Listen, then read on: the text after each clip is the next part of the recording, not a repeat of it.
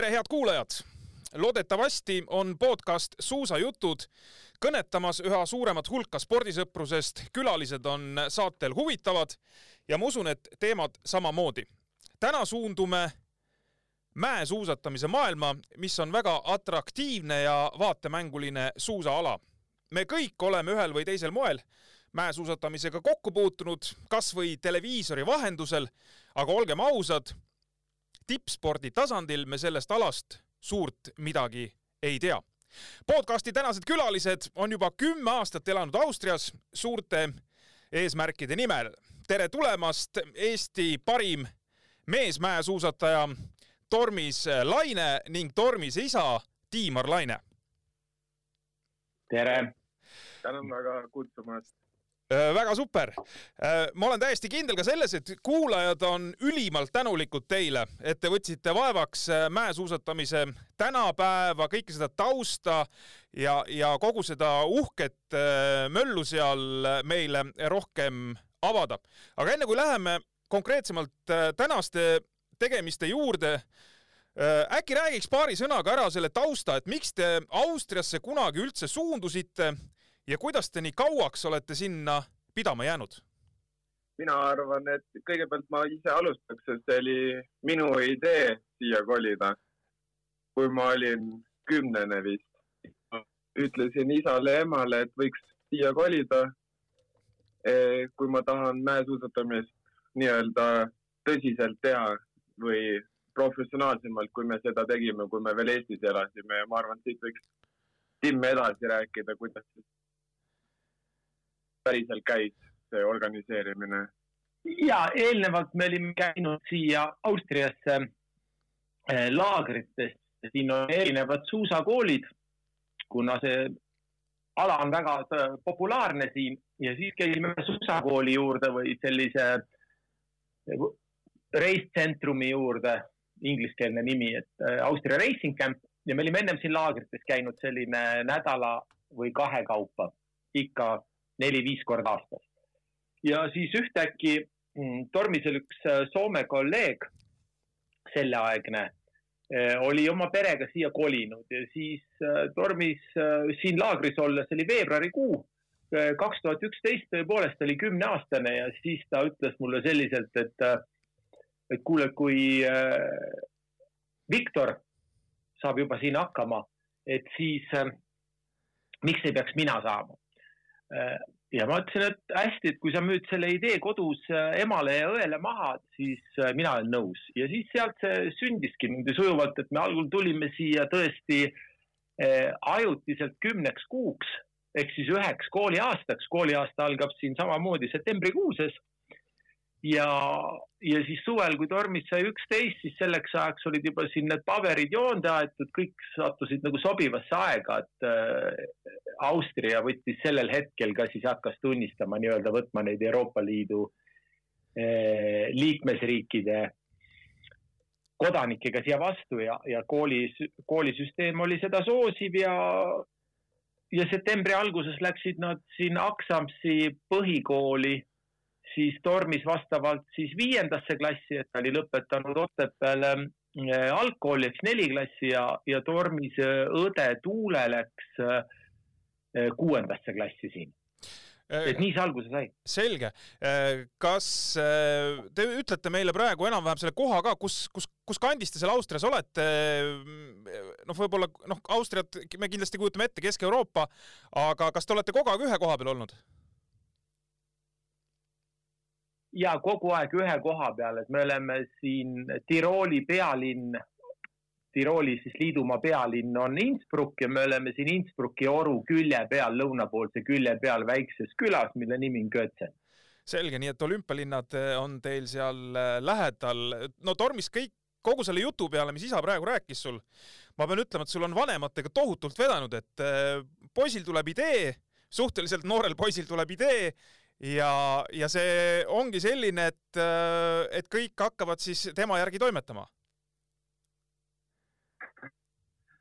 selles mõttes nüüd tagantjärele on küll natuke tunne, et hullud vanemad, et kes, ma arvan, et kuulajad kodus võivad ka mõelda selle peale, et oleks valmis enda laste eest niimoodi ära kolima, et ma arvan, et mul on väga õnne olnud oma vanematega, et kui palju nemad mind toetavad. Äh, sa nii-öelda selgelt läksid äh, Austriasse või teie pere läks Austriasse, et sa saaksid äh, mäesuusatamisega väga tõsiselt tegeleda. Ja ma saan aru, et kahe tuhande viieteistkümnenda aasta septembris sa jõudsid sellisesse kooli kui Stamsi suusagümnaasium, mis on väga no võib-olla isegi võiks öelda, nii palju kui ma olen lugenud või nii palju, kui mul silma jäi, et kõige parem mäesuusatamise kool üldse maailmas, et vilistlased on võitnud olümpiamängudelt ja maailmameistrivõistlustelt rohkem kui sada kuldmedalit ehk siis täielik äh, tippsportlaste suurnimede vabrik. kuidas sa sellest kadalipust läbi tulid, et sa sinna õppima said äh,? kõigepealt ma lisaks, et tegelikult on kõige edukam suusakool üldse, et mitte ainult mäesuusatamine, et üldse suusaalad. suusaalad. siis on mm -hmm. kõik need suusad ja, ja kahevõistlus ja, ja murdmaa ja ühesõnaga kõik suusaalad ja ma arvan, et see nii, ma nii-öelda kaasasin siia nii-öelda siia süsteemi sisse, et kui ma hakkasin sinna Austria sari sõitma väiksemana, siis äh, ikka üks, üks hetk on see, et kui näed, et oled juba suht edukas või selline, et suudad siin nende austerlastega ka kaasa sõita ja siis kõik need, kellega sa võistled, hakkavad rääkima sellest, et kuhu, kuhu kooli sina äh, minna plaanid või kuhu sa tahad sisseastumiskatseid teha, siis äh, nii-öelda tekkis ka mingi hetk selline soov ka suusakooli minna ja selline Tamsiga oli just natuke selline kinnisidee mul, et ta oli, esiteks ta on meil siia kodule kõige lähemal nendest kolmest suusakoolist, mis meil siin Austrias on ja, ja mul paljud sõbrad plaanisid ka sinna minna. ehk siis ta niimoodi siin tekkiski siin Austrias olles, kuidagi kasvasin siia süsteemi sisse ja siit paremad ikka lähevad äh, suusagümnaasiumitesse edasi. Äh, sinna olid konkreetselt katsed seal oli vaja nii-öelda teistega noh, konkreetselt ikkagi konkureerida, et sinna sisse saada?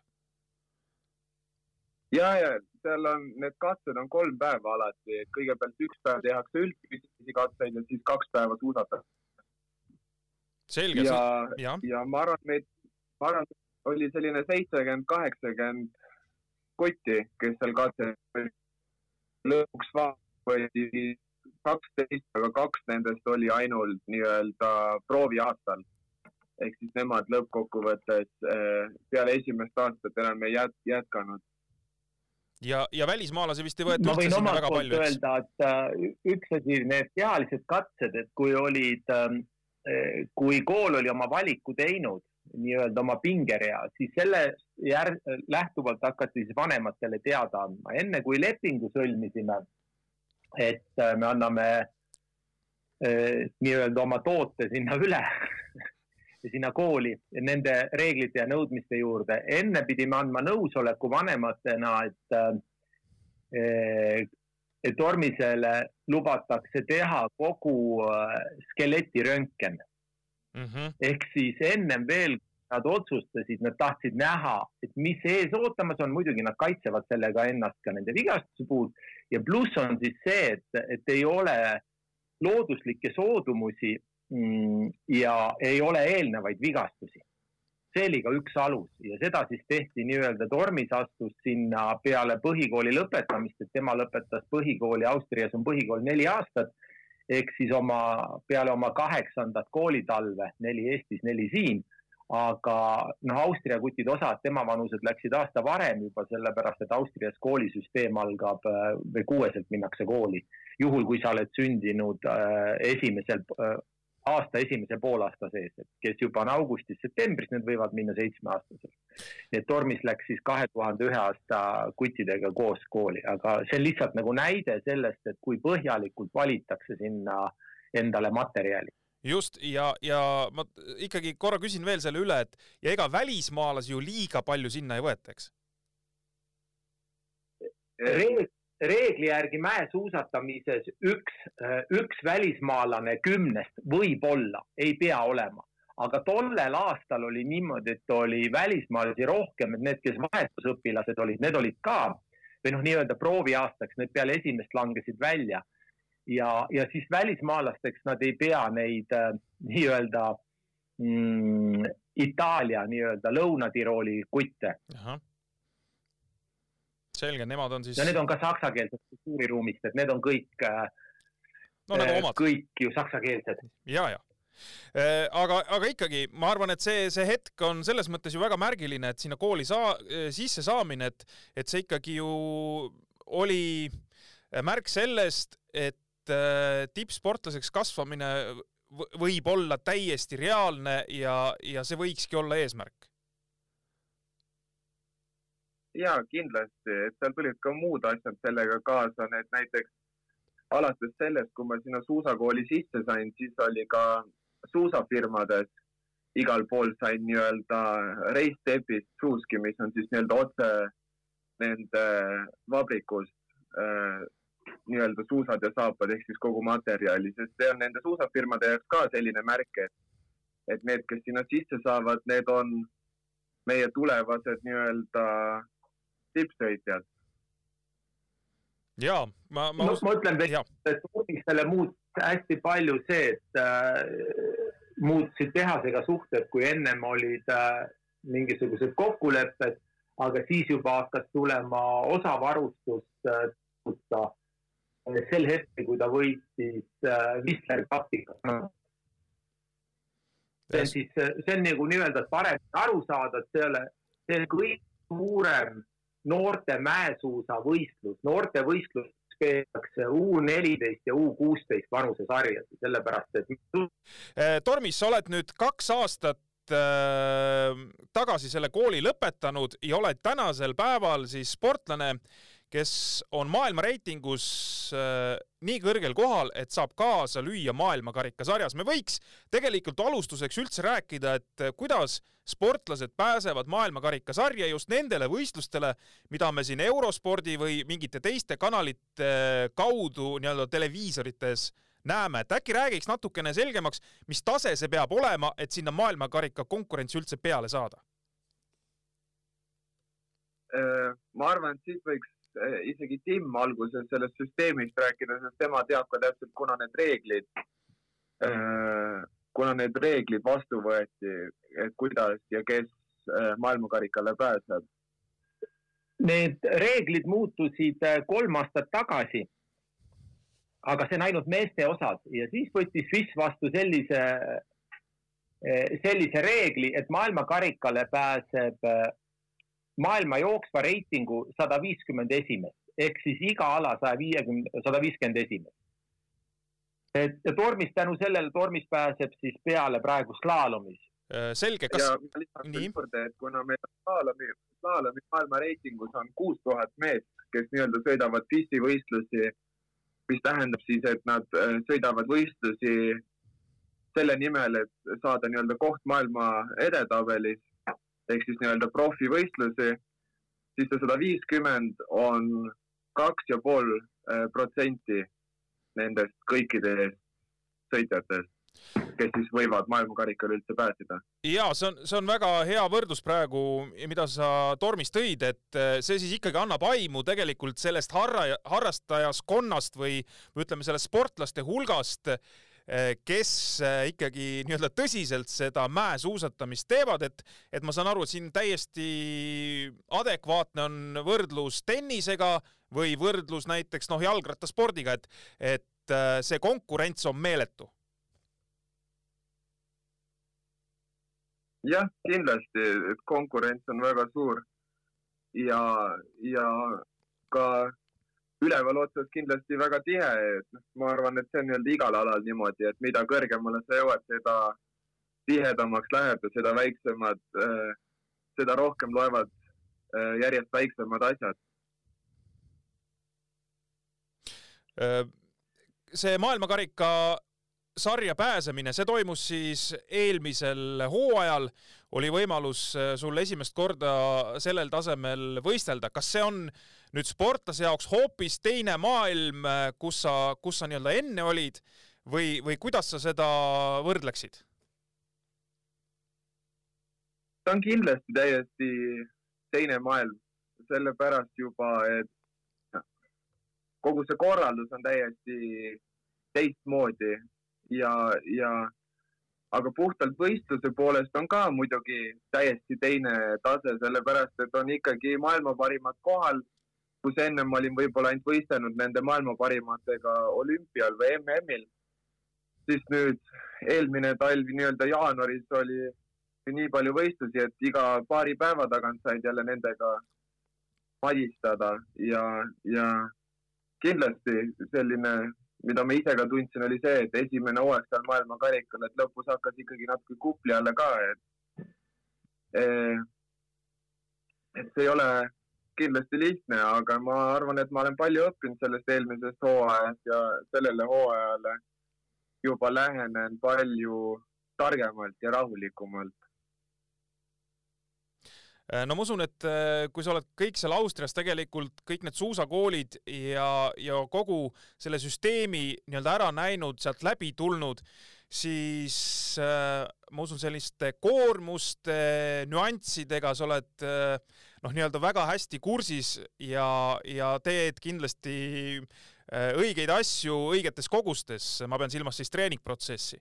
aga ikkagi, kui sa nüüd äh, noh, nii-öelda veel vaatad edasi milles sa siis kõige rohkem peaksid juurde panema, et äh, näiteks võttagi oma esimene, esimene maailmakarika punkt näiteks sellel hooajal?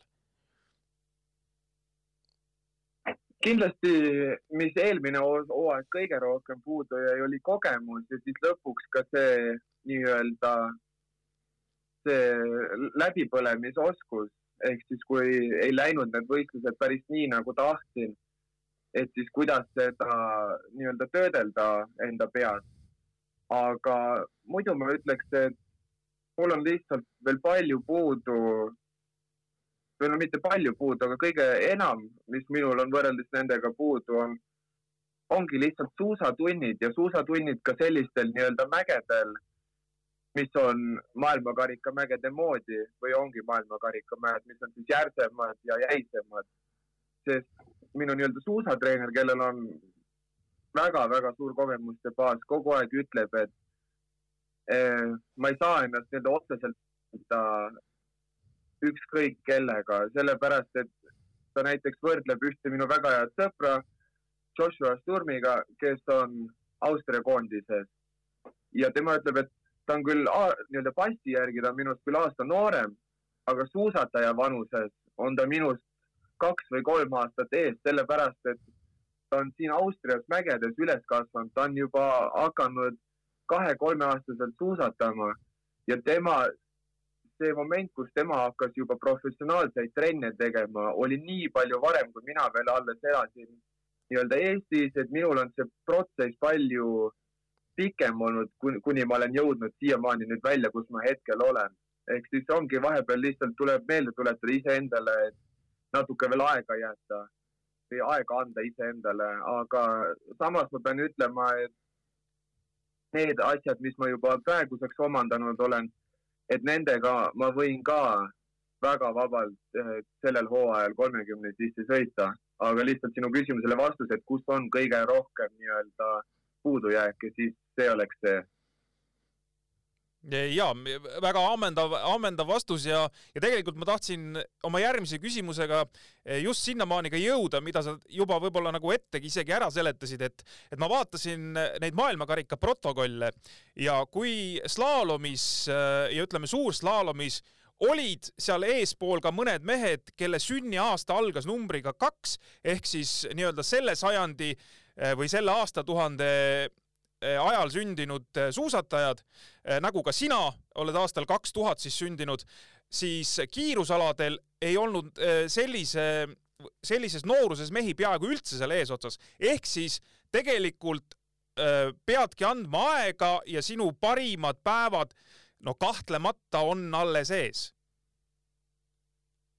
ja ei, kindlasti ma nõustun sellega, et kui rääkida veel minust, siis mina lihtsalt usun seda, et kui nii-öelda mõni inimene jõuab enda võimete tippu varem, siis ma arvan, et mina olen juba mitte ainult selle suusatamise poolelt ja et ma ei ole veel nii-öelda nii pikalt selliseid professionaalseid trenne teinud äh, just suusa poole pealt võrreldes nendega, kes siin on Austrias või Norras üles kasvanud, siis ma arvan ka lihtsalt seda, et ma olen lihtsalt ka inimesena, inimkehalt olen hiline areneja, et mina arvan, et see on lihtsalt üks sellistest asjadest, et kes, mis ajal enda füüsiliste tippu jõuab, aga siis veel sellest kiirusaladest rääkida, see on, tuleb veel juurde öelda, et kiirusalades on see kogemusprotsess veel suurem. Et seal võtab veel kauem see aega, sellepärast on ka kiirusaladel vanemaid mehi veel tipus, ehk siis sa näed ka kolme, kolmekümne viie, kolmekümne kuue, kolmekümne seitsme aastaseid tipus. Et sellised kolmekümne seitsme aastased enam slaalomi maailma tipus väga ei näe. võib, võib ka näha, aga neid on kiirusalades kindlasti rohkem.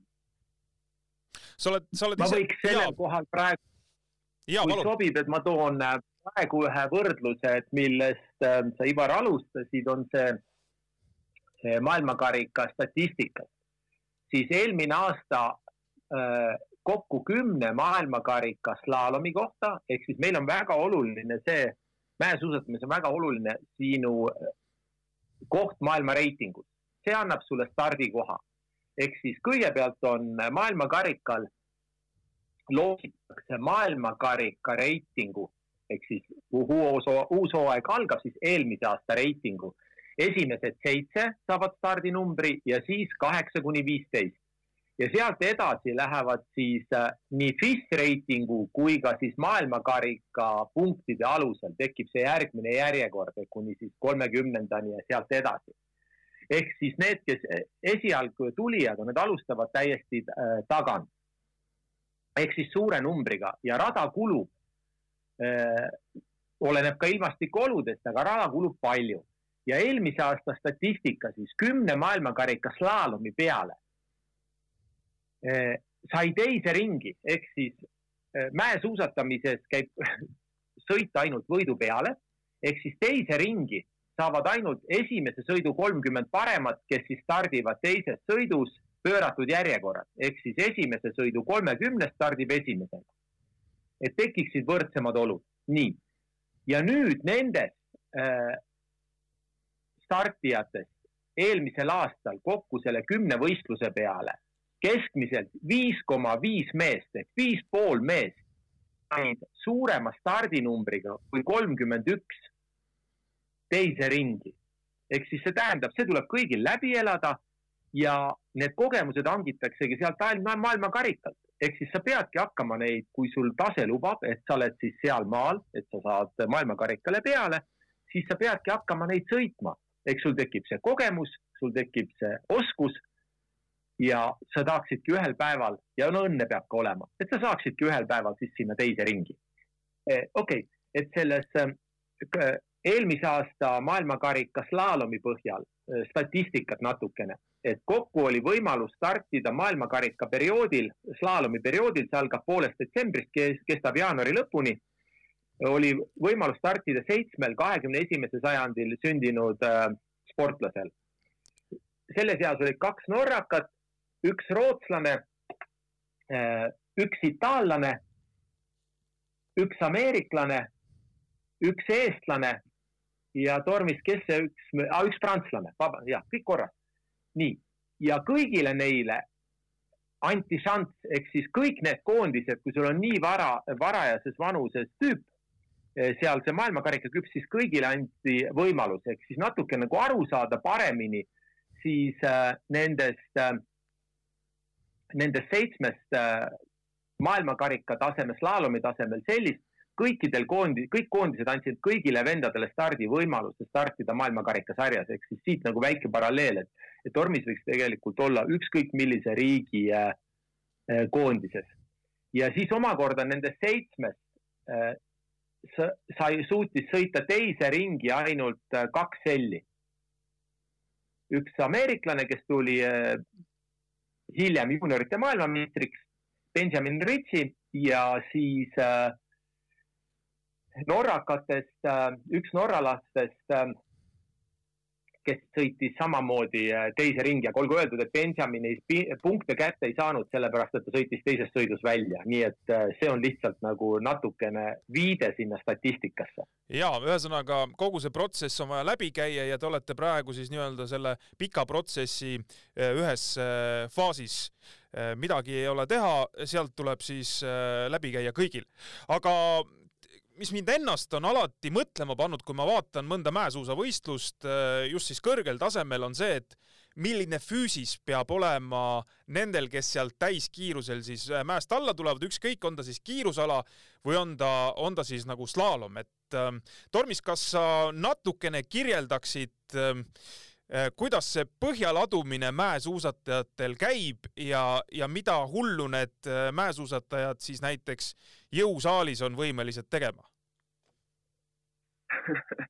Ehm, kõigepealt ma ütleks, et üldettevalmistus on väga-väga mitmekülgne, et ma ei ole ise nii-öelda treenides nii-öelda teiste, teiste alade inimesi näinud, kes peaksid ka nii mitmekülgselt treenima, et meil on kõike vaja, meil on vastupidavust vaja, meil on äh, kiiruslikku liigutust vaja, meil on jõudu vaja, meil on koordinatsiooni vaja, meil on äh,, meil on nii-öelda tasakaalu vaja. ja kõiki neid asju on vaja teha, muidugi suvel on nii-öelda ikkagi kõige suurem fookus on ikkagi siis jõu ja seal kestvuse peal ja selle äh, kiiruse arendamise peal. ja ja ma ütlekski, et see ongi päris juba selline, mis nii-öelda kokku võtab, et mina ütleks, et peaks olema mäesuusataja täiesti selline tänapäeva mõiste atleedist. et kõike natukene äh, no sa oled kindlasti tagasihoidlik nüüd kõike natukene, ma arvan, et äh, mõnda asja te peate ikkagi äh, või on neid asju isegi rohkem kui mõni väga-väga põhjalikult ja, ja, ja väga suurte raskustega tegema, et et seal suuskade peal kõik see ära taluda. Ja ma saan aru, et ma, ma varasemalt siin su isa Tiimariga rääkisin, et et kui, kui võib-olla esmamulje on see, et jalad peavad hästi tugevad olema, siis tegelikult keha keskosa võib-olla on hoopis see, mis, mis peab olema vankumatu, et et sealt kõik algab, sest olgem ausad, ega mäesuusatamises, kui sa oled füüsiliselt nõrk, no siis seda ära ei peida, et see ükskord selle trassi peal lööb lihtsalt välja. kindlasti. aga selles on jah iva sees, et see keskkoht, mina arvan, et see võib-olla ongi üks kõige tähtsamaid asju, sest see ikkagi nii-öelda ühendab jalad ülakehaga ja kui keegi on mäesuusatamist näinud, siis võib arvata, et lihtsalt puhtalt jalajõuga sa väga palju ei tee, see on ikkagi terve keha nii-öelda ettevõtmine, mida seal mäesuusarajal tehakse.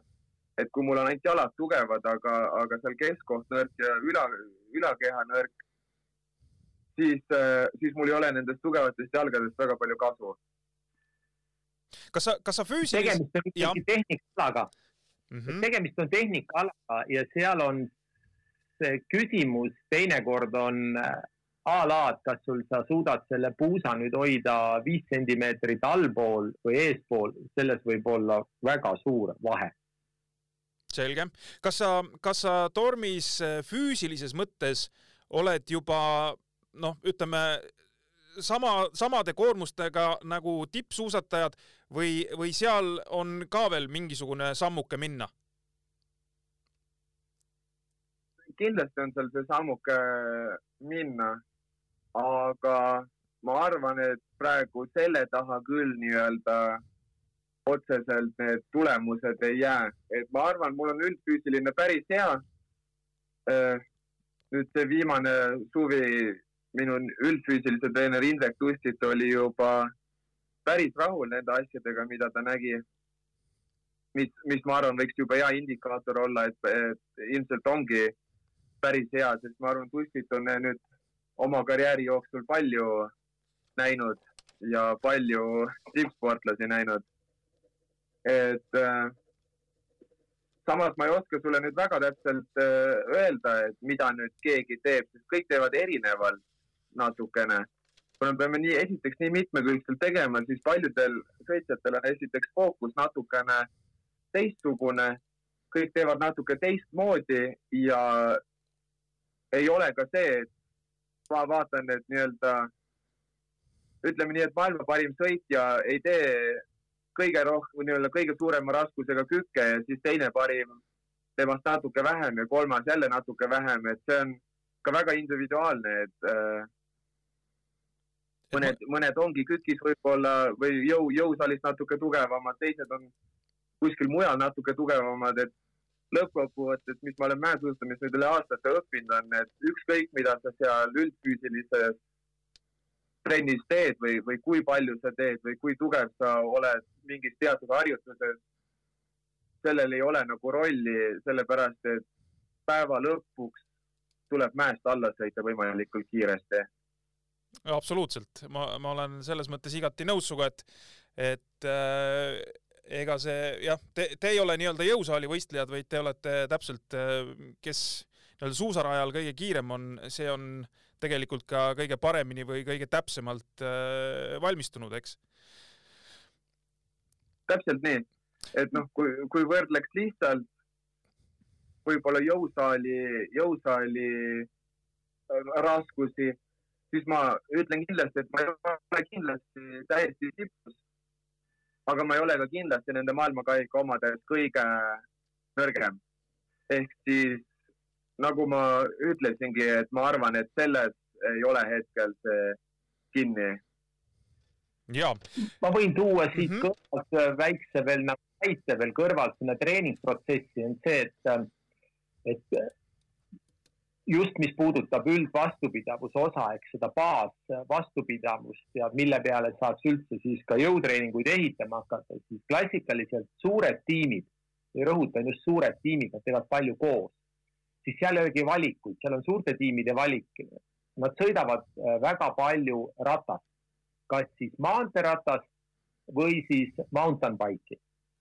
ja, ja see ongi jälle, jälle samamoodi riikide ja tiimide moodi erinevad Tormisele näiteks äh, klapib see, et ta teeb väga palju või enamus treeninguid teeb juba lapseeast saadik, tal on erinevaid treenereid olnud, kes on aidanud teda, on Meelis Minn on olnud, on Erki Nool olnud ja nüüd siis on äh, Indrek Tustik ja see on kergejõustiku põhine olnud. ja suuresti just on äh, Tormisele sobib jooksmine paremini ja, või talle meeldib niimoodi me teha seda ja samamoodi ka on äh, klassikaliselt on mäesuusatajate katsetes, mis nad teevad, erinevad riigid. aga paljud asjad kattuvad, aga kõigil on sama, kas on või üks, üks distsipliin on alati sama. mäesuusatajad, ma nüüd rõhutan, see on kas Cooperi test või kolme tuhande meetri jooks. ja näiteks, kui Tormis oli seal Stamsi suusagümnaasiumis, seal nad pidid tegema igal sügisel äh, Cooperi testi ja Cooperi testi norm oli neil sellel ajal, eh, sa pidid jooksma selle kaheteist minutiga kolm tuhat meetrit. ja kui sa seda ära ei jooksnud, seda kolme tuhandet meetrit, siis sa tegid iga kuu uuesti selle testi seni, senikaua, kui sa jooksid. aga tänasel hetkel, ütleme näiteks Tormisel on see, et ta küll eraldi seda, ütleme, spetsiaalset jooksu poolt nagu nii palju ei harjuta aga tal ei ole mingi probleem näiteks joosta kolme tuhandet meetrit äh, alla üheteist minuti. see on lihtsalt nagu väike, väike näide ja selle tasemel on kõik tippmäesuusatajad. ja, ja ei, siin see -hmm. näide, mis Tim tõi, et see, see ongi sellest, et eh, kuna ma olen väiksest peale nii palju nii-öelda seda baasfüüsist teinud, selliseid äh, nii-öelda kestvusasju, siis tänapäevaks, kuna meil ikkagi selline tavaline slaalomirada on võib-olla nelikümmend viis sekundit kuni viiskümmend viis sekundit, siis ei ole sellist, ma ei pea ju nii-öelda lõppkokkuvõttes kestma kolmkümmend minutit või tund aega, siis mul selline baaskestvus on juba piisavalt hea olemas, et seda ma väga enam ei treeni, et ma rohkem keskendungi asjadele, mis teevad mind lihtsalt kas näiteks tugevamaks või siis äh, kiiremaks, nii-öelda sprindiliigutused. et mida Tim mõtles, ongi see, et ma ei tee enam selliseid pikka, pikki kestvusasju, sest äh, seal ei ole seda potentsiaali enam sees, et selle pealt ma ei arene enam äh, nii palju või sealt ei tule see, see, see areng ei vii enam nii-öelda maailma tipule lähemale, kui ma seal veel paremaks lähen. ja ma saan aru, et selline üldine põhi on sul tegelikult äh, juba, juba olemas. kõik on sellega väga hästi äh, teine asi kindlasti, mis äh, mäesuusatamise juurde kuulub ikkagi, on ju, on ju varustus. et noh, see on ka, ma usun, selline omaette maailm, millest võiks te võib-olla ühte koma teist meile avada või, või rääkida, et, et kui, kui maailma tasemel varustus sul on olemas, sellega on kõik hästi või, või noh, ma, ma võib-olla ei oskagi päris õigesti seda küsida, aga ühesõnaga räägiks natuke sellest varustuse teemast.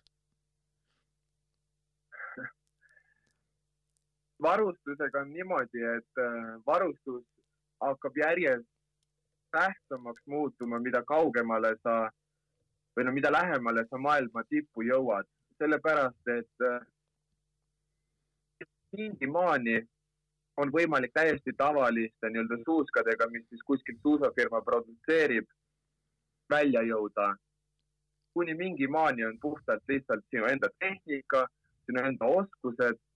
aga nüüd, kui mina välja jõudnud olen, me tegeleme väga palju materjaliga ja see on ka minu jaoks olnud nüüd viimased kaks aastat, ma ütleks, väga selline uus kogemus, mis vajab ka harjumist, sellepärast et eelmine aasta, kui ma vahetasin suusafirmat Kästle peale siis on väga palju aega veedetud suuskade ja saapa, saabaste testimisega, mis on minu jaoks, nagu ma ütlesin, on harjumatu olnud ja ka kindlasti natuke jõudu ära võtnud selle pealt, et kui ma hooajad varem olen saanud lihtsalt keskenduda nii-öelda sõidu peale, et kuidas ma iseenda tehnikat kiiremaks muudan või kuidas ma enda sõitu kiiremaks muudan, siis nüüd tegeleme igapäevaselt sellega, et kuidas ka materjali saada kiiremaks või saada sobivamaks teatud oludele. mina olen Kästle suusatehase sõitja, et ma olen hetkel ka praegu eh, slaalomi number üks sõitja nendel, mis tähendab siis seda, et eh, slaalomi suusa arendamine on ka väga palju minu peal mm. -hmm ja, aga teisest küljest, et sul suusamuret äh, ei ole, et sul on selles mõttes äh, nii-öelda varustus kõik olemas, mida sa vajad? mul on absoluutselt kõik olemas, mida ma vajan, et Kästle on väga hea partner olnud nii-öelda siiamaani ja, ja, ja tõesti, ma ütleks lausa, et kuna nad alles ju nii-öelda tulid uuesti siia meeste maailmakarika võistlusmaailma, siis nad ju ei saa ju kohe alguses tippsõitjaid endale võtta, sellepärast et äh, need, kes on seal tipus, on enda markidega tippu sõitnud ennast, need ei taha ju kohe uue suusafirma peale või noh, selles mõttes uue peale, et nad on tagasi tulnud vahetada, sest nad veel ei tea, kuidas see materjal toimib ja siis tänu sellele ma ütleks, et minu see, kuidas mind koheldakse suusafirmas, on umbes sama, mida, kuidas ko koheldakse teistes suusafirmades top kümme või top viisteist sõitjaid maailmas. ehk siis selles mõttes on see nii-öelda inglise keeles öeldakse siis support või see toetus nende poolt on absoluutselt äh, suurepärane äh,. Eelmine aasta oli mul kas viiskümmend või kuuskümmend paari suuski kahe ala peale ehk siis suurslaalom ja slaalom, millest ma ütleks, et võib-olla nii-öelda kolmkümmend viis kuni, kolmkümmend viis kuni nelikümmend oli slaalomi suuski ja, ja viisteist kuni kakskümmend oli suurslaalomi suuski, eks neid slaalomi suuski oligi rohkem, sest ma pidin slaalomis tegema arendustööd, mis tähendab, et mina ju otseselt suuska ei ehita, aga minu tagasisideme pealt neid ehitati. ja, ja saabaste poole pealt, kuna ma tegin Kästle alles nüüd, tõi saapa, võistlussaapa välja. seda, seda, selle projektiga me alustasime eelmise aasta oktoobri alguses. ja min-, ühesõnaga suusasaapa testimisega oli niimoodi, et kuna seda neil absoluutselt veel ennem ei olnud, et ühe, nad valivad ühe suuruse ja siis nad teevad selle ühe suuruse kuni sinnamaani välja, et võib öelda, et see on nüüd võistlusvalmis saabas. ja siis adapteeritakse need infod, mis me oleme saanud selle suurusega teistele suurustele. ja, ja nad valisidki minu suuruse ja siis ma seda olen nüüd, saapaid olen nendele testinud eelmise aasta oktoobri algusest alates. Ma tegin terve eelmine hooaeg, mis ka võttis väga palju energiat. kui ma need testipäevad, siis ma ei saa sajaprotsendiliselt sõita, nii-öelda võistlussõitu teha, sest ma pean tegema palju sõite, aga ka nad stabiilselt äh, alla nii-öelda finišisse tooma, ehk siis, et neil oleks ajavõrdlusi. ja, ja kui lihtsalt ütleme nii, et kui ma sõidan üheksakümne viie protsendiga seal testidel, siis see küll ei tundu nii-öelda palju, see viis protsenti, aga kui ma liiga palju sõidan seal üheksakümne viie protsendi peal, siis on võistlustele minnes ongi see, et kas sa sõidadki selle üheksakümne viie protsendiga, mis maailmakarikal kindlasti ei ole piisav või siis kas ma sõidan saja protsendiga ja mul on see kindlus puudu, et ma saja protsendiga suudan niimoodi alla sõita, et ma ei tee vigu. aga, aga ma saan aru, see on kõik ikkagi ka vajalik nii-öelda tule, tuleviku nimel, et äh, nii need asjad nagu käivadki Eh, täpselt nii. mina näen seda väga palju nagu investitsioonina, et esiteks ma sain nii noorelt kogemuse, kuidas on saapa nii-öelda käib, sest paljud sellist ei tooda iga-aastaselt välja, suuski testitakse alati, seal maailmakarika sõitjad testivad alati. aga sellist täiesti uut saabast tehakse võib-olla ainult iga viie aasta tagant umbes sellises vahemikus. ehk siis paljud sportlased ei saa elu jooksul sellist äh, saapa arendamist teha.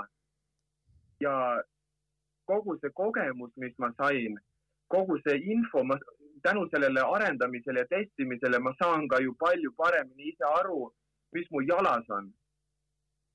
ja, ja teiseks on ka muidugi see, et lõppkokkuvõttes nüüd, kui see saabas valmis on hetkel, siis see terve saabas on tehtud minu tagasisideme järgi.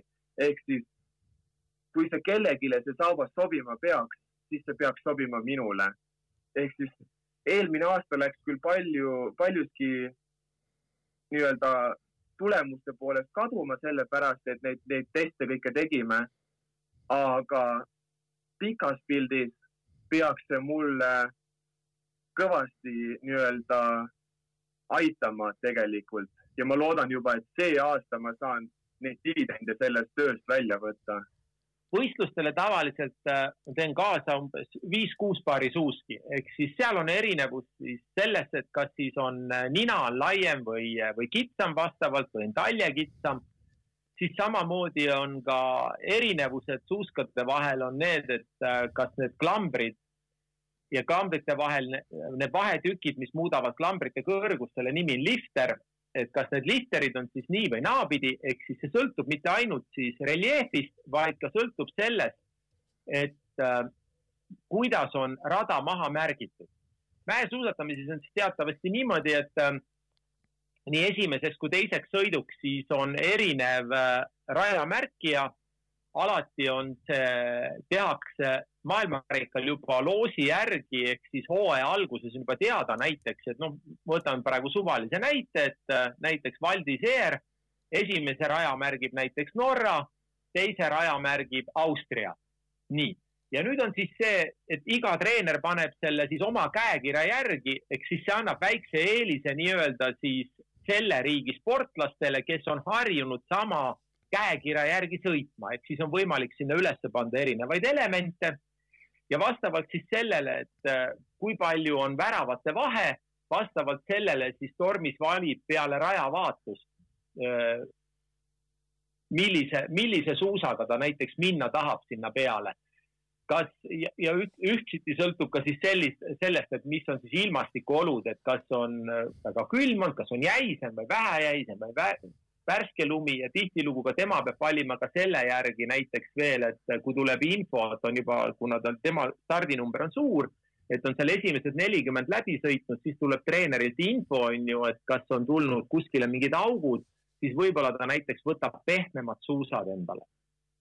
et see on see eripära siis, kui sa oled juba seal nii-öelda sõidad maailmakarikat ja oled tipus, et aga ennem seda kui ütleme, et seal FIS-i tasemel võistlustel, siis me tegime tavaliselt võistlusteks oli tehtud valmis selline kolm paari suuski. Äh, teie jaoks võib-olla selline noh, ma ei tea, algajalik või, või isegi äh, natukene nagu mõistmatu küsimus, aga ma küsin ikkagi ära, äh, kas mäesuusatamises annab määrdega ka puusse panna, ma kujutan ette, et suuski ikkagi määritakse vaadake, kuna äh, kuna pidurdamine on kiiruse surm, siis meil pidamist ei panna okay. et, et reeglina ja ütleme niimoodi, et tehnikaaladel ehk siis mäesuusatamise tehnikaalad on äh, slaalom ja suurslaalom, siis slaalomis on üldse äh, see asi käib kõik, see tegevus käib nii kiiresti ühelt kandilt teisele, et olulisem on see, et kas kant on puhas ja põhi peab olema piisavalt immutatud, et seal äh, reeglina maailmakarika tasemel, et seal ei ole väga suur äh, osa selles, et äh, mis määrdega sul nüüd see määritud on.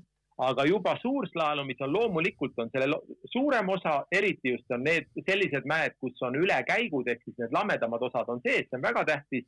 ja kiirusaladel loomulikult on see väga tähtis ja, aga seda määrimist ei, äh, ei saa võrrelda näiteks teiste suusaaladega, sellepärast et need kiirused on nii palju suuremad, ehk siis selle suusa all see temperatuur, mis selle kiirusega tuleb mm, -hmm. siis äh, see on nii palju suurem, et siis need, seal on oma spetsiifilised nipid, et kuidas äh, neid suuski nagu ette valmistada, see on teistmoodi jah see on omaette maailm, okei okay.. Äh, aga üks tore ala on veel tekkinud paralleelslaalom. kas, kas sa tormis sellist slaalomi ka sõidad? Nüüd tänapäevaks on ta kutsutud lihtsalt paralleel, kuna nad ei taha, et ta oleks paralleelslaalom või paralleelsuurslaalom mm. -hmm. aga kui täiesti aus olla, siis nii-öelda võistlejate seas nähakse seda kui mitte, mitte väga hea ideena. et esiteks on ta väga ohtlik, et kui sul keegi kõrval sõidab, kukub võtab sinu ka maha, seal meil on ju kandid on nii teravad. siin juba oma kantidega kuidagi nii-öelda lõikamine on ju, see on nagu no, noaga lõikaks endale jalga või kätte kuskile sisse. ja, ja, ja teiseks on ta lihtsalt selles hetkeses formaadis, mis, mida, millega, millega teda tehakse, ei ole ta väga, ei ole ta väga selline sõitjale lahe ala ja ma arvan, et ta ei ole ka nüüd väga atraktiivne. no ma usun, et publik lihtsalt selles mõttes äh, äh, saab sellest aru, aru võib-olla paremini, kes tuleb üle, esimesena üle joone, see on, see on selle paari võitja ja noh, ta on lihtsalt nagu selles mõttes lihtsamini arusaadav, muidu tuleb seal mingit aegade võrdlust jälgida, eks. no see tehti, see ala tehti selle jaoks, et, et mäesuusatamine teatavasti on äh, number üks äh, individuaalne taliala maailmas. tal on ainult, et see asi veel populaarsemaks läheks, on ainult üks miinus, on see, et seda tuleb sõita valges ehk siis kiirused on suured, küsimus on nähtavuses ja see ei lange televisiooni mõttes nii-öelda selle prem time'ile. ehk siis nad üritavad võtta tagasi äh, seda kohta või, või võtta natukene, koondada seda eh, või kärpida laskesuusatamise tiibasi. Äh, ja siis see paralleelslaalom, kuna ütleme paralleel, nüüd see sõidetakse siis suurslaalomi suuskadega, seda tehakse lühematel radadel ja, ja nii-öelda prožektori valguses. ja see oli ainukene põhjus, et see saaks sisse suruda ka sinna suusahüpete ja, ja siis selle laskesuusatamise ajale. ja nüüd ongi järgmine suur väljakutse on mäesuusatamise populariseerimisel see, et nad on hakanud üritama esimesi nõlvasi, maailmakarika nõlvasi ka valgustada, et oleks võimalik rohkem teha neid nii-öelda õhtuvõistlusi, sest tänasel hetkel maailma karikasarja, mäesuusatamise maailma karikasarja kõige populaarsemad üritused on just need õhtuslaalomid. näiteks äh, Zagreb, samamoodi Madonna de Campiglio, samamoodi ka Sladming, see on kõige suurema telehuviga, Kesk-Euroopa telehuviga taliala Äh, kui sa juba selle, noh, sellel teemal siin rääkisime praegu, siis äh, eks vist ei ole patt ka tunnistada, et, et maailma tippmäesuusatajatel läheb ka nii-öelda auhinna rahalises plaanis päris hästi. ja sellest, seal ei ole üldsegi mingit äh, küsimust, see on ka põhjus, miks ma olen tihtilugu rääkinud, et ei tohiks nagu vaadata või hakata neid vastandama või võrdlema FIS-i, nii-öelda FIS-i alasid. et ma toon lihtsad näited, et, et minu arust on väga, väga hästi ütles selle kohta Tanel Kangert peale viimast olümpiat, et boonuseid saab maksta nendel aladel, mis alad on suure harrastajate hulgaga ja mis on populaarsed. ja no näitena näiteks sellised numbrid, et kui on äh, mäesuusatamise miinimum, miinimum, ma rõhutan, maailmakarika etapivõidu auhinnaraha on nelikümmend viis tuhat franki, Šveitsi franki. Šveitsis käib kõik rehkendus äh, frankides, frangis mm -hmm. ja, ja, ja seda preemiafondi jätkub siis esimesele kolmekümnele. siis, äh, siis näiteks kahevõistluse miinimum võidutasu on viis tuhat franki ja suusahüpetel on miinimumtasu kümme tuhat franki. ehk siis äh, see rehkendus on, näitab nagu selle ala populaarsust iseenesest. ja samas on, ütleme, sellised suured äh, võistlused pikkade traditsioonidega, näiteks kui oli Kitzbühelis äh, kaheksakümnes juubel, Kitzbüheli võistluse kaheksakümnes juubel siis seal oli nii-öelda kuninglikele aladele, Kitzbühelis võisteldakse kiirlaskumises, äh, ülisuur slaalomis ehk super G-s ja slaalomis. Ja siis kuninglikud alad, siis nimetatakse, need on kõige tehnilisem ehk siis slaalom ja kõige kiirem ehk siis downhill või kiirlaskumine.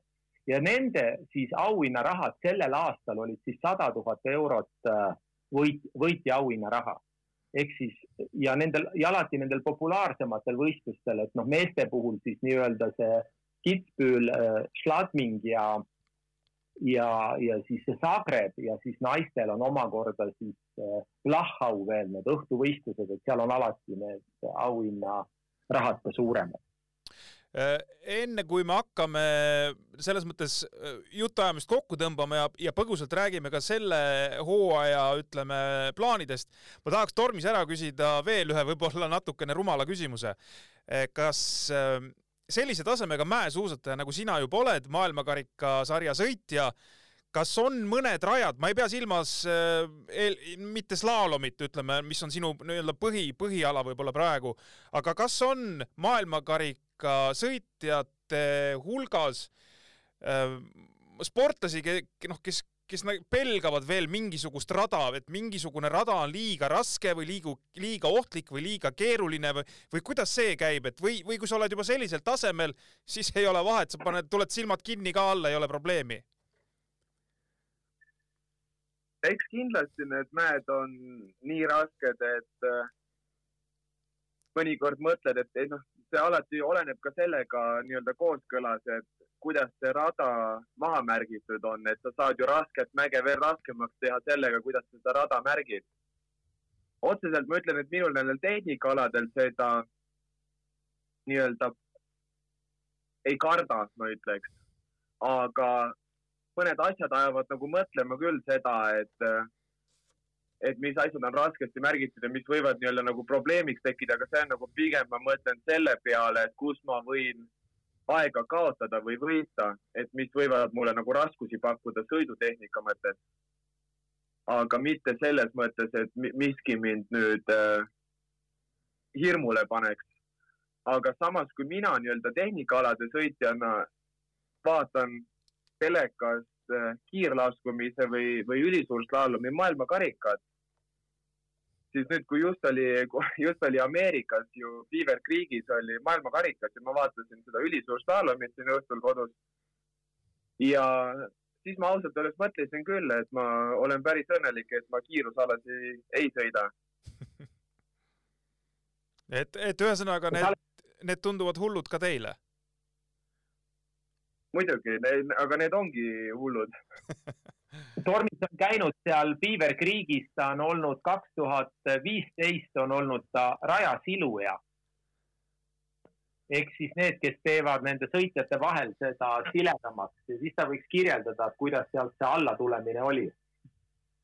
ja ei no seal juba algab sellega, et see Beaver Creeki ülisuur slaalomil start on äh, neljakümne viie kraadises kaldes ehk siis sa juba alustad niimoodi põhimõtteliselt peaaegu, et ütleks, et noh, kui sa suuskadel oled ja sealt nii-öelda, et sa ju lihtsalt ei lase endal nagu alla liuelda, vaid sa ju nagu üritad ju täiega välja startida ja võimalikult palju hoogu koguda, siis on juba põhimõtteliselt nagu see vaba langemine ja minu jaoks ikkagi see, et, et kui nad tulevad näiteks Kitzbüheli maailmakarikal neil on teises pöördes, neil on sada kümme kilomeetrit tunnis äh, kiirusteed, mis isegi kiirus veel ei ole väga suur, sada kümme.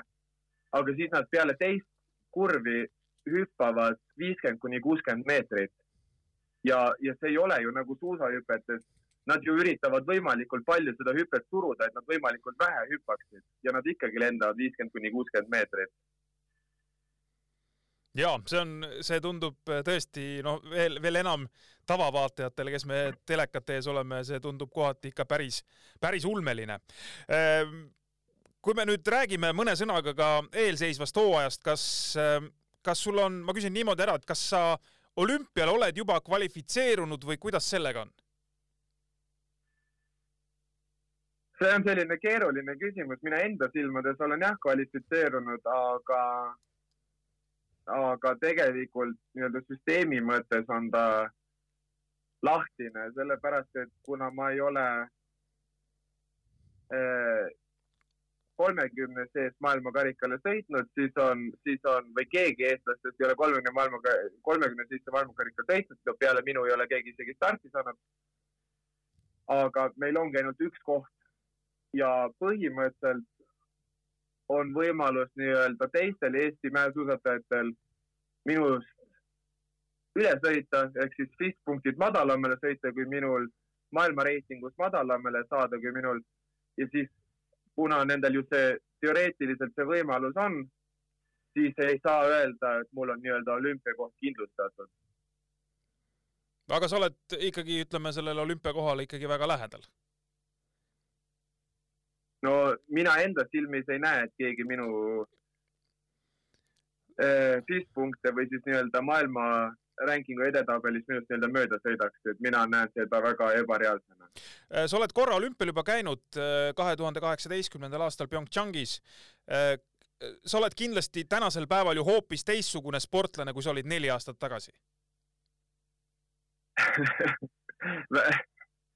see on jah, vahe on ikkagi uskumatult suur, et mis ma nende nelja aastaga kõike õppinud olen. et see on täiesti, täiesti uskumatu, tagasi vaadates ongi päris naljakas neid intervjuusid või nüüd isegi neid sõite vaadata. aga see kogemus, see olümpiakogemus, noh, selles mõttes on ikkagi olemas ja noh, vaevalt, et ta mööda külgi nagu maha on jooksnud, eks kindlasti, kindlasti see kogemus on olemas ja paljusid asju ju nii-öelda nagu ma, nagu ma isegi vist tollel ajal seal intervjuus ütlesin, et nüüd teinekord olümpiale minnes ilmselt ei ole seda vau-efekti kõigega, mida sa näed. et ikkagi esimene kord olümpiale lähed, siis kasvõi need ükskõik, mida sa näed, kas on need toidusaalid või on need mingid mänguruumid või on need toad või kõik on nagu tekitab sellise vau-efekti ja ma arvan, et nüüd teinekord lihtsalt see suur vahe ongi, et ma lähen sinna nii-öelda peaaegu, et need silmaklapid nii-öelda külgede peal ja ainult nii-öelda, ainult otse edasi vaadates. aga mis nii-öelda ainult seda sportlikult poolt puudutab, siis ma arvan, et äh, on nüüd need eelmine hooaeg, see maailma, esimene hooaeg maailmakarikal on nii-öelda rohkem õpetanud, sellepärast et ma arvan, tollel ajal ma ei osanud otseselt võistluspoole peal neid asju õppida, mida ma tänapäeval nii-öelda jälgin või nii-öelda täna siis jälgin võisteldes või, või, või millele ma nagu vaatan, ma ei osanud isegi tollel ajal neid asjade peale vaadata, aga see oli ka sellepärast, et siis ma ei olnud veel lihtsalt enda suusatajaelus või nii-öelda sportlase karjääris piisavalt kaugele jõudnud, et ma üldse oskaks neid vaadata. aga mm -hmm. küsimusel tagasi jõudes, kindlasti see olümpia on aidanud ja, ja mis ma tahtsingi juurde öelda, et MK etappidel osavõtmine on ka väga palju aidanud nüüd tulevasele olümpiale vaadates kas, kas, kas su eesmärk, ütleme niimoodi, selle hooaja suur siht ongi siis nagu olümpia või tegelikult ütleme, see on ikkagi selline noh, lihtsalt üks samm selle hooaja sees, et neid tähtsaid asju on tegelikult veel?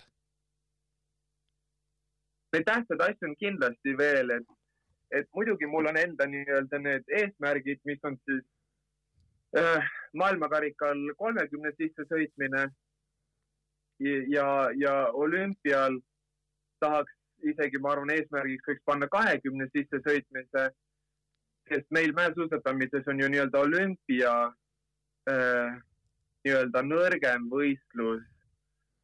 või noh. kui maailmakarika etapid, eks. ja ei no ta on, ta ei ole nii tihe kui maailmakarikas, sellepärast et, et kui näiteks Austria koondisel saab maailmakarikale peale kaheksa venda, siis olümpial saab neli. ehk siis seal on lihtsalt see võitjate tase on ikkagi sama, aga lihtsalt neid vendasi, kes seal eesotsas sõidavad, on vähem. kui see on nii-öelda, peaks väga loogiline olema. ehk siis sellepärast ma arvan, et ma ütleks, et minu eesmärk olümpial võib olla top kakskümmend, nii-öelda top kakskümmend ja maailmakarikal tahaks vähemalt ühe korra kolmekümne sisse sõita. Aga muidugi äh, ma ütlen, et olümpial on nii-öelda see top kakskümmend on küll selle hooaja eesmärk, mis ma nagu enda jaoks pean realistlikuks, mis oleks nii-öelda minu jaoks väga hea tulemus, mis näitaks äh,, näitaks minu seda nii-öelda oskusi, aga samas minu jaoks on olümpiale vaadates on see, et äh, olümpial on tegelikult ainult, mängivad väärtust esimesed kolm kohta, kes saavad medali kaela.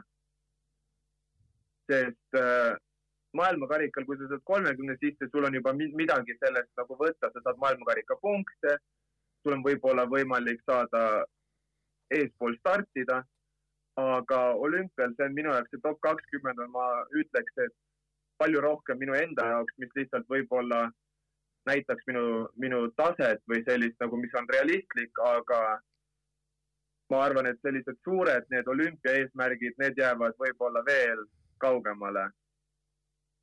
Äh, kõik see, millest sa Tormis rääkisid praegu, see tähendaks Eesti äh, suusaajaloo nii-öelda ümberkirjutamist, äh, see oleks, see oleks kindlasti vägev ja ma saan aru, et sa sellega ei taha ka piirduda.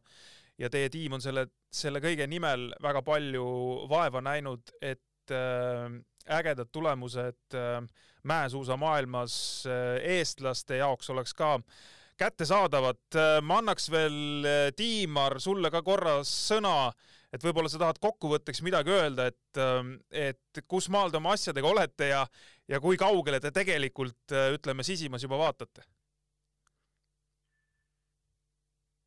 arvestades seda, et äh, kuidas on olnud äh, kõrvaltvaatajana, ma võtan seda ka kui kaasteelisena. Tormis on, ta müüs selle idee maha siia tulla, nüüd on minust saanud ühel hetkel lihtsalt kaasteeline ehk siis kellele on jäänud need vähem glamuursed ametid, siis autode sõitmine ja, ja suuskade ettevalmistamine ja eelarvetega tegeleme nii edasi. aga kui me vaatame seda tema arengut, siis äh, ta ei ole teinud ühtegi äh, suurt arenguhüpet. ehk siis kõik on läinud väga loogilises järjekorras äh,. Ta on püsinud terve kui me vaatame tagasi ka kasvõi seda, et äh, mis ta on aastate jooksul välja öelnud, alates näiteks sellest hetkeks, kui ta võitis Whistler Cupi, kui ta esimest korda nagu suuremas tähelepanu alla sai. mitte küll Eestis, aga väljas. ta jõudis maailmakarikale välja rutemini, kaks aastat rutemini. Ja, ja nii ongi, et kui senikaua, kuni püsib naeratus äh, näol seda tehes ja ise teab, mida ta teeb, siis äh, aeg näitab. lõppkokkuvõttes spordis loeb ainult see tulemus, et jutust on nagu vähe kasu või unistamisest. suur tänu teile mõlemale, see oli, see oli väga, väga huvitav äh, kuulmine või kuulamine. Et äh, tõesti ma julgen väita, et eestlased äh, mäesuusatamisest ikkagi nii-öelda seal seespool toimuvatest asjadest teavad vähe, aga mulle teisest küljest ka tundub, et võib-olla me lähiaastatel äh, peame sellega ennast tõsiselt kurssi viima, sest sest meil on omad lootused selles mängus olemas. aitäh teile selle vestluse eest, jõudu, jaksu, mis iganes te ette võtate ja, ja seda püsivust ja sihikindlust vist teil ei olegi vaja soovida, sest see kümme aastat juba näitab, et äh, sellega on teil kõik ülimalt hästi. tänan väga. aitäh ja püsige terved, hoidke pöidlaid peos. aitäh kõigile kuulajatele, me siinkohal tõmbame jutud äh, kokku ja järgmine suusajuttude saade juba nädala pärast. kõike paremat